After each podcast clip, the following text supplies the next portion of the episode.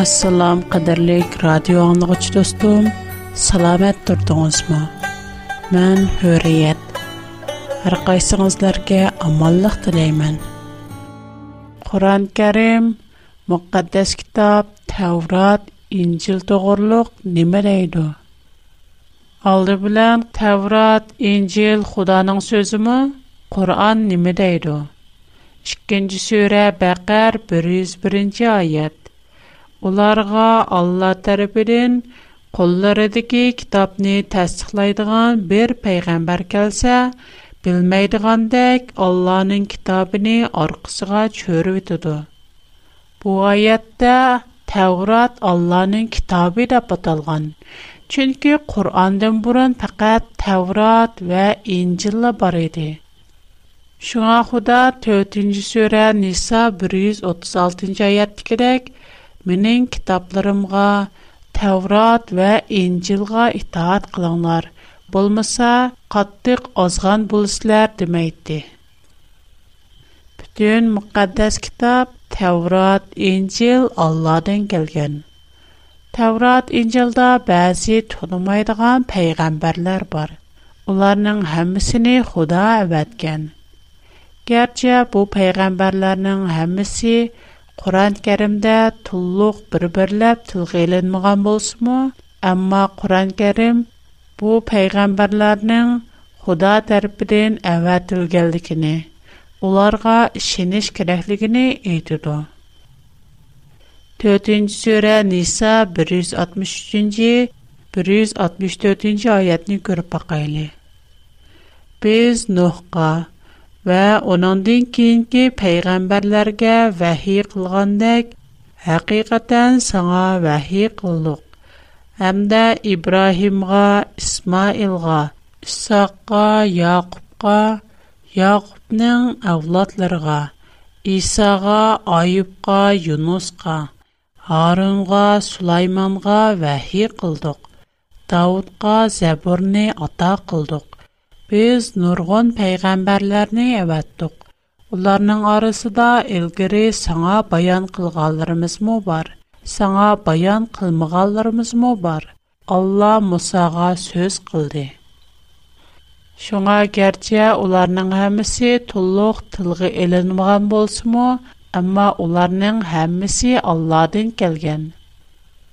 Biz bəzidə Təvrat, İncildən bəzi peyğəmbərlərini anlığınımızda, ular Quran-Kərimdə tilgə elinməganlığı üçün ularının rastlığına gumani nəzərdə qaraymız. Bunda qilish naiti xata. Quran-Kərimmo bunda qılıqlarını azğallıq deyə ayıplaydı. Gerçi Quran-Kərimdə müqəddəs kitab Təvrat və İncil – Алла нан сөзі Алладен келген деп инақтурсиму, амма біз көпінчіміз бу bu өзгерген бұрымланған дейміз. Алла нан сөзіні өзгерген деп уныңа шек келдірміз. Агар біз Алла нан сөзі болған Таурад ва Инчилни өзгердейдисек, ондақта Алла сөзі өзгеремді, özünün sözləri bolğan müqəddəs kitablarını qoğdiyalmandı. Qur'an-Kərimdə Allah müqəddəs kitabını qoğdaşqa vədə bərgən. 15-ci surə Hicr 9 10 13-cü ayət. Şübhəsiz ki, sinəndən ilgiri burunqi hər qaysi taiblərə nurgun peyğəmbərlərini əvətdiq. Ular Qur'onga ishonmaydi. Bu burundin odat bo'lib qolgan ish. Bu oyatni tahlil qilib ko'rayli. Ular Qur'onga ishonmaydi. Bu burundin odat bo'lib qolgan ish. Mushayyat yolg'iz Qur'onni ko'rsitamdi. Inechka tahlil qilib ko'rsak, bu har ikiz yolg'iz Qur'onni qartilgan emas. Chunki Qur'onning burun nima bor? Tawrât və İncil var. Qurandan burun hər hansı Quran'ın mövcud bulışı mümkün emas. Bu burun'dan adət bulub qalğan iş ikən, ondaqda kişilər İbrimo Tawrât və İncil'ə şəkkəltürgən, həm onunğa işənməyən. Hazırkı dövrümüzdəmı oqşaş. Moşu ayət biznin bugünkü мас oçkıldı. Çünki biz müqəddəs kitab Tevrat və İncilgə işlənməyimiz. Bu, burundin adət bulub qalğan iş. 2-ci surə Bəqər 79-cu ayət. Kitabni öz qolları ilə yazıb, onu az pulğa setiş üçün bu Allah tərəfindən nazil bolğan digicilərə vay. Qulu bilən yazğanları üçün onlara vay erişkən nərslər üçün onlarga vay. Bu ayət müqəddəs kitab Tevrat və İncilin özgərgənligini deməkmi? Yox, onda qəməz. Bu ayətnin iki xil mənisi var. Birinci, Moşa ayətdə Xuda özünün müqəddəs kitab Tevrat və İncilni qoğdaydıqalıqqa vədə bərgən. Әгәр бер адам Алланың вәдисенә өзгәртсә, яки үзгәртишкә орынса, Алланың ләнәтенә алды. Шуңа Худа Муша аят аркылы өземнең китабын кугдаймын дейди. Икенче Муша аяттан Мухаммадның вакытында хакыйкы нусхы бар. У тугра вә рас үзгәрмәгән. agar muhammadning vaqtida haqiqiy rost to'g'ri tavrat va injil bo'lmasa nimani o'zgartirishga urindi nimani o'zgartirishga bo'lmaydi bu oyat yuzaki olda oyat o'zgargan deyotganday qilsimi ammo bu oyat yanala shu chog'diki ya'ni yahudilarning qo'lidagi tavrat va injilning haqiqiy to'g'ri ekanligini ishorat qildi. Demak, bu oyat bizga ikki masalani tushuntirib turdi. Biri Alloh o'z so'zini noiti qattiq qo'g'daydi. Kimki Allohning so'zini o'zgartirishga urinmoqchi bo'ldi u intayin og'ir la'natni oldi. Yana biri Muhammad vaqtidagi Tavrat va Injil nihoyatda to'g'ri. Программа oxirida do'stimga adresimni deb bermoqchiman. Agar men bilan aloqalashishni xohlasangiz, qalam va qog'oz tayyorlab qo'ysangiz, programma oxirida adresimni xotirlab olasiz. bütün müqəddəs kitab Allahın kitabı. Qur'an Kərimdə Təvrat, İncil özgərməyən. 2-ci surə Bəqər 40-41-ci ayət. Ey İsrail övladı, mənim sizlərə bərgən nimətimni yad etdinlər. Mənə bərgən vədənlərə vəfa qılınlar. Mən bu sizlərə qılğan vədəmə vəfa qılımın. Мән назил kılган Тавротны тасдиқ кылгычы Куръанга иман келтирңнар. Куръанны беренче булып инкар кылгычы булмаңнар. Аятларымны арзан баҳода сөтмәңнар. Маңа тәкъвадарлык кылңнар. Уларның куллары яни Яһудларның кулларында неме бар? Таврот бар. Мухаммеднең вакытыда уларның кулларындагы Таврот бұрынғысы емес бәлки мұхаммәднің уақытыдекі азырғы тәурат нахайты тоғыра дейді 10 сүре юнус 64-ші аят алла вәдісіге хылаплық қылмайды әні шу қатта бәқіттұр оныңдың башқа башқы тәржімелерді Xudanın sözünü hərgiz özgərtəlməydi, dəb tərcüm qılınğan. Bunun mənisi nimə? Mənisi, hətta Xudamı öz sözünü özgərtəlməydi. Bulubmu Uyğurç tərcüməsi şundaq deydi. Allah özünün vədisiga xilaplıq qılmaydı, həm qılalmaydı.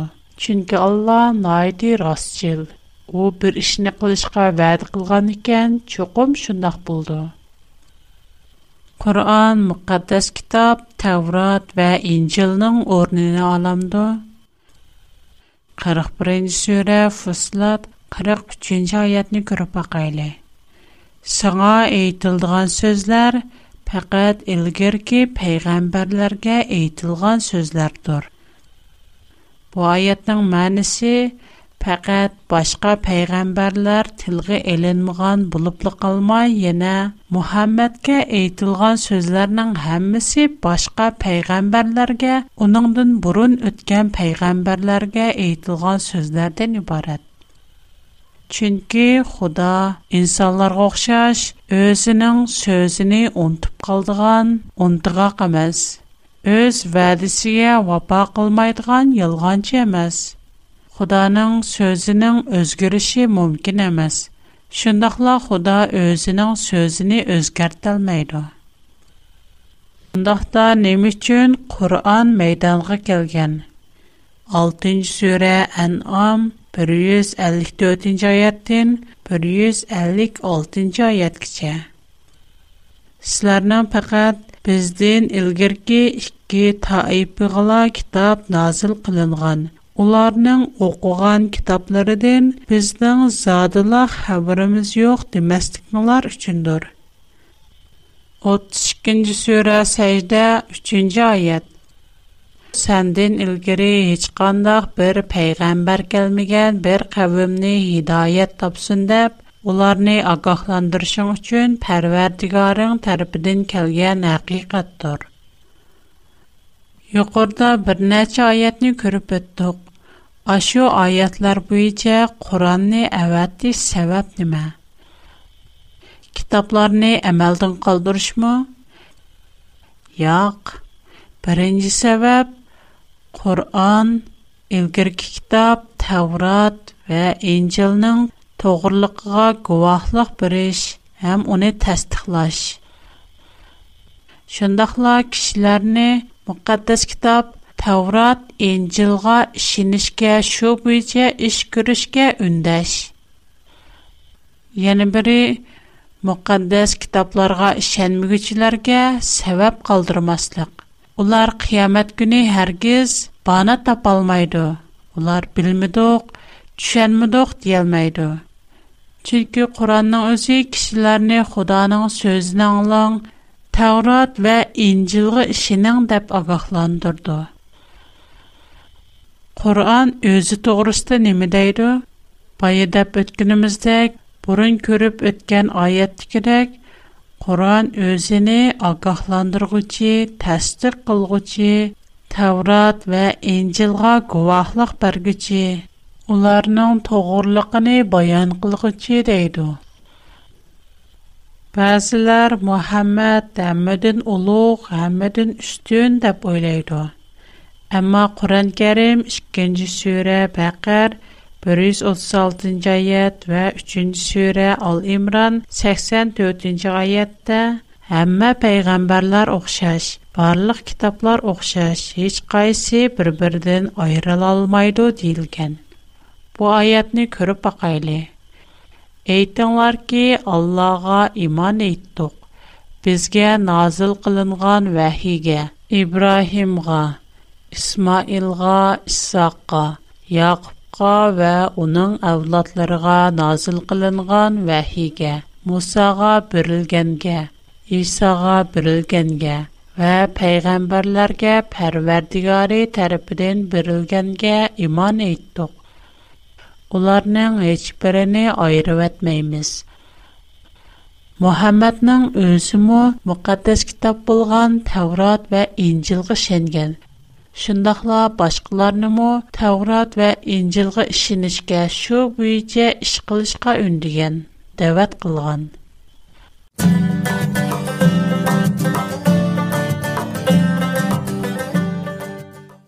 Bəzilər Xudanın kitabı toğra, həm işinimiz, biraq o bizdən qollanma əməz, o bizdən yetəkçə əməz, icra qılmayman deydi muqaddas kitobga bo'ysunish kerakmi yoki ijro qilish kerak emas u bizning yetakchi emasmi ikkinchi sura baqar ellik uchinchi oyat Өз вақтыда сіләрні хидайет тапсын деп, Мұсаға әқні батылдың айрығычы китапны бәрдіқ. Мұша аятта Тәурат кішілерінің етәкчісі, Яхшы белән яманны айрыгычы. Инсанларның юл күрсәткечсе диелгән. Чөнки Тәуратның үзе тогыра, хатаны айрыйды һәм уныңга энек хөкем чыгырды. Тәуратның үкеме хукуклык. 3 сүрә Ал Имран 3-4 аят. Özüdən ilgirki kitablarını təsdiq qılğıcı haq kitabını sana nazil qıldı. İlgiri kişilərə yol göstərgiç qılıb Tavrat bilan İncilni nazil qılğan idi. Haq bilan batilni ayırğıcı kitabını nazil qıldı. Bu ayətlərin mənası intayin uçuq emasmı? Таврад ва Инчил битун инсаларынын йол башлығу циси, йол көрсет күтсі, йиттәх циси қылынған. Шуңа оны оқышлы кубаи қылмайду. Оларни хам ичра қыш кирек. Агер біз мошы китабни ичра қылмыса, қандақ ахвэтлі қылмыз? Бу китабу іча іш қылмыса, худанын йоли өзгерді му көчіп Quranda qandaq nərsə toğru yol.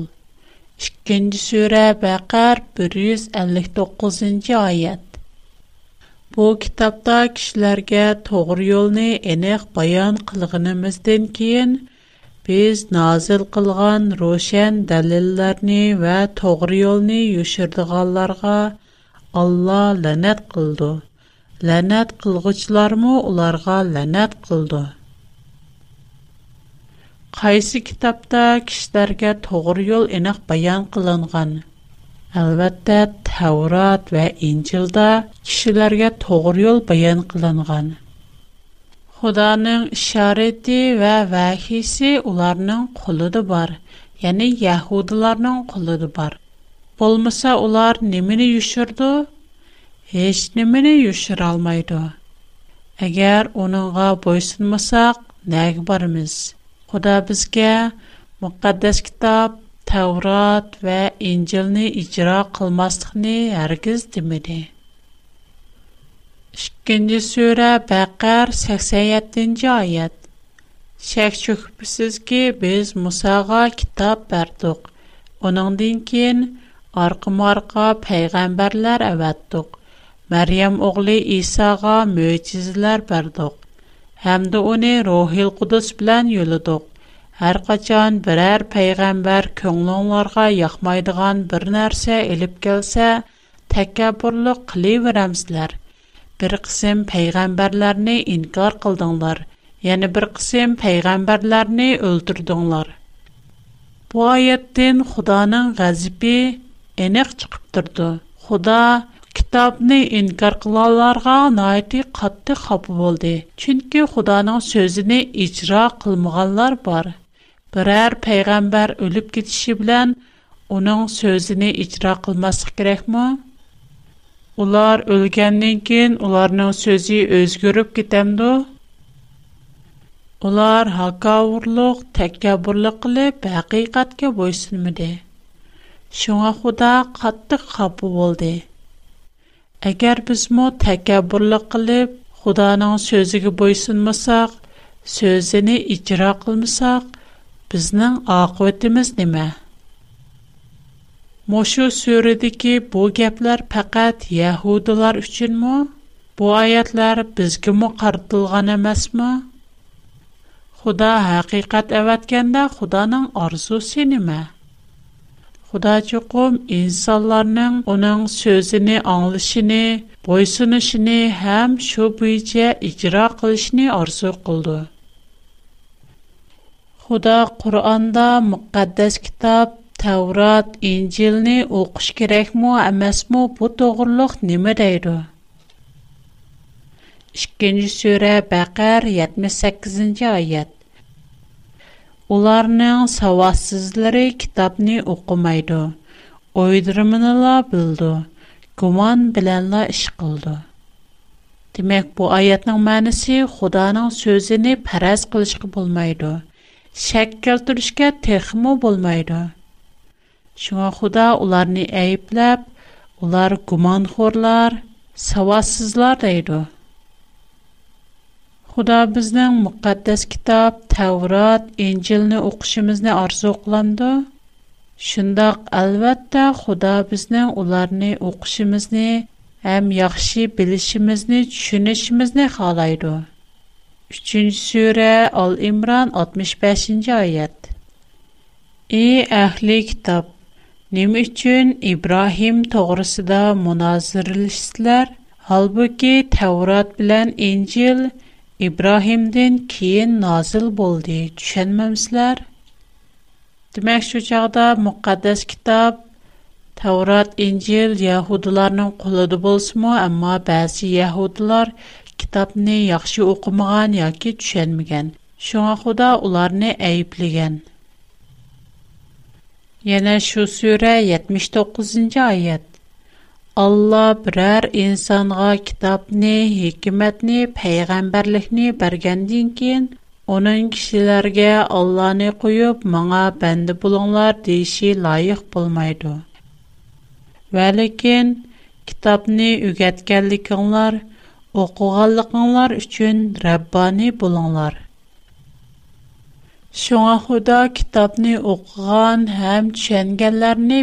کلیکن Қандақ адамлар мұқаддас китап, Таурат вә Инчелні қойды.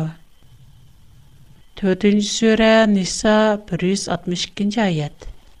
Уларның ішчедікі білімі чонқыр болғаларға саңа назыл қылынған кітапқа – Сәндин илгири назил кылынган китапларга иман әйтидгән мөэминләргә, Аллага ва ахирәт күнегә иман әйткүчләргә катта аҗр кылабыз.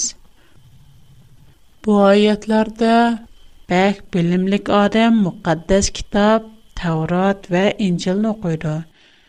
Bu kitaplarını okuyan kişiler bilimlik, Allah bizning müqəddəs kitab Tevrat və İncilğa işinişimizni ümid qılamdı.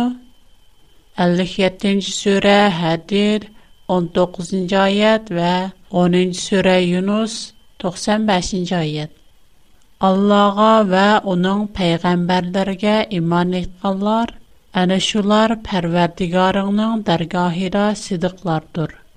Bizning oyatlarimizni inkor qilganlar va yolg'onga chiqarganlar ana shular ahli do'zaxdir. Sen hergiz Allah'ın ayetlerini inkar kılgıçlardan bulmağın, ziyan tartqıçlardan bulup qalsan. Bu ayetlerinin mənisi Allah bizden bütün müqaddes kitap, Tevrat ve İncil'a işinişimizni ümit qıldı. Əgər biz İncil və Təvratni inkar qılsaq, çoxum ziyan tartqucu. Bundaqda Allah bizning bütün müqəddəs kitab Təvrat və İncilni qəbul qilishimizni arzu qılandı yoki bir qismini? 3-cü surə Al-İmran 184-cü ayət. Onlar seni yalğanğa çıxarğan bolsa, səndən ilgiri ötən möcüzələri, kitablarını və nurluq kitabni elib gələn nurgun peyğəmbərlər mə yalğanğa çıxırılğan Бу Bu yerdə deyilətqan nurluq kitab dəl Xudanın sözü bolğan Tevrat və İncildir. Tevrat və İncil nurluq kitab. Onunda nur və hidayət var. 2-нче сүре Бакар 85-нче аят. Силар китапның бер кысым ахкамларга шинеп, бер кысым ахкамларны инкар кыламсызлар. Силардын шунда кылганларның жазасы фақат хаяти дөньяда харлыкка калыш. Қиямат күне қаттық азапқа дучар бұлыштыр. Алла қылмышыңлардың ғапіл Мана бу Таурат ва Инжилнең бер кысым әхкамларын инкар кылганларның акыты. Әгәр без фақат өзимизгә яккан бер кысым аятларын кабул кылып, өзимизгә якмайдыган безнең хыялымызга мунасип келмәйдыган көплегән аятларын инкар кылсак, безнең акытыбыз найти яман. Quran müqəddəs kitab Tavrat, İncilni təsdiqləyir. Lakin təkrar qılmır, inkar qılmır. Yəni Quran müqəddəs kitab Tavrat, İncilni qoğdayır. Biz bu vaxtki bir neçə ayəti görüb baxaylı. 2-ci surə Bəqər 41, 48-ci ayət. Biz həqiqətən Tavratni nazil Təvratda hidayət və nur var. Biz sənə özüdən ilgirki kitablarını itiraf qılğıcı və onlara şahid bolğıcı haq kitabını nazil qıldıq. 10-cu surə Yunus 37-ci ayət. Lakin Quran ilgiri gələn kitablarını təsdiq qılğıcıdır. Allah belgiləyən əhkamlarını bayan qılğıcıdır. Мошының оқшаш көплеген аятлар Qur'onning aslida Tavrat va Injilni tasdiqlash, guvohchi bo'lish, uninga shohidlik berish hamda uni qo'g'dash uchun kelganligini aytgan. Oxirda biz Qur'ondagi intayin muhim bo'lgan mono ikki oyatni ko'rib o'taylik. 10-sura Yunus 94-oyat. Мұбада сән саңа біз назыл қылған китаптен шәкленіған болсаң, сәнден үлгірі китап оқуғаларды сорап баққын. 13-ci сөрә Рәйіт, 43-ci айет. Мәккә күфарлары сән пәйғамбар әмәссән дейді. Эйткін ки, растығымға сілер білән менің отыранда, Allah'ın guvahlılığı ve Allah'ın kitabını bildiğanların guvahlılığı yeterlikdir. Мушу аят буенча Кур'анның тогырлыгыга фақат Таврот ва Инҗилне белгәнләрла гувахлык бирә алайды. Әгәр Инҗилне, Тавротны оқымганлар Кур'анны тогыра дип hükм чыгара алмайды. Яна Мухаммадка гувахлык бергүчләр aldı bilan çoqum Tavrat və İncilni öyrəniş kerak. Bolmasa onların guvahlıq əhmiyyətsiz, həm guvahlıq birəlməydi. Çünki onlar Xudanın sözünü bilməydi. Quran boyunca kim Muhammədni itiraf qılmasa cənnətə girə bilməydi. Əgər kimki Muhammədni itiraf qılsa, çoxum Tevrat və İncilni biliş kerak. Tevrat və İncil Qur'an və Muhammed üstüdən hüküm çıxırdı. Bugünkü proqramımız bu yerdə ayaqlaşdı. Mənim tor adresim hurriyet@bigfoot.com Mənim xətt a w r p o box 310 Hong Kong. Mening hazırcha xato darsim Şangan Yujin Zongju Xishan 310-numur. Xo'sh, Xudoga amonat. Xushvaqt bo'linglar.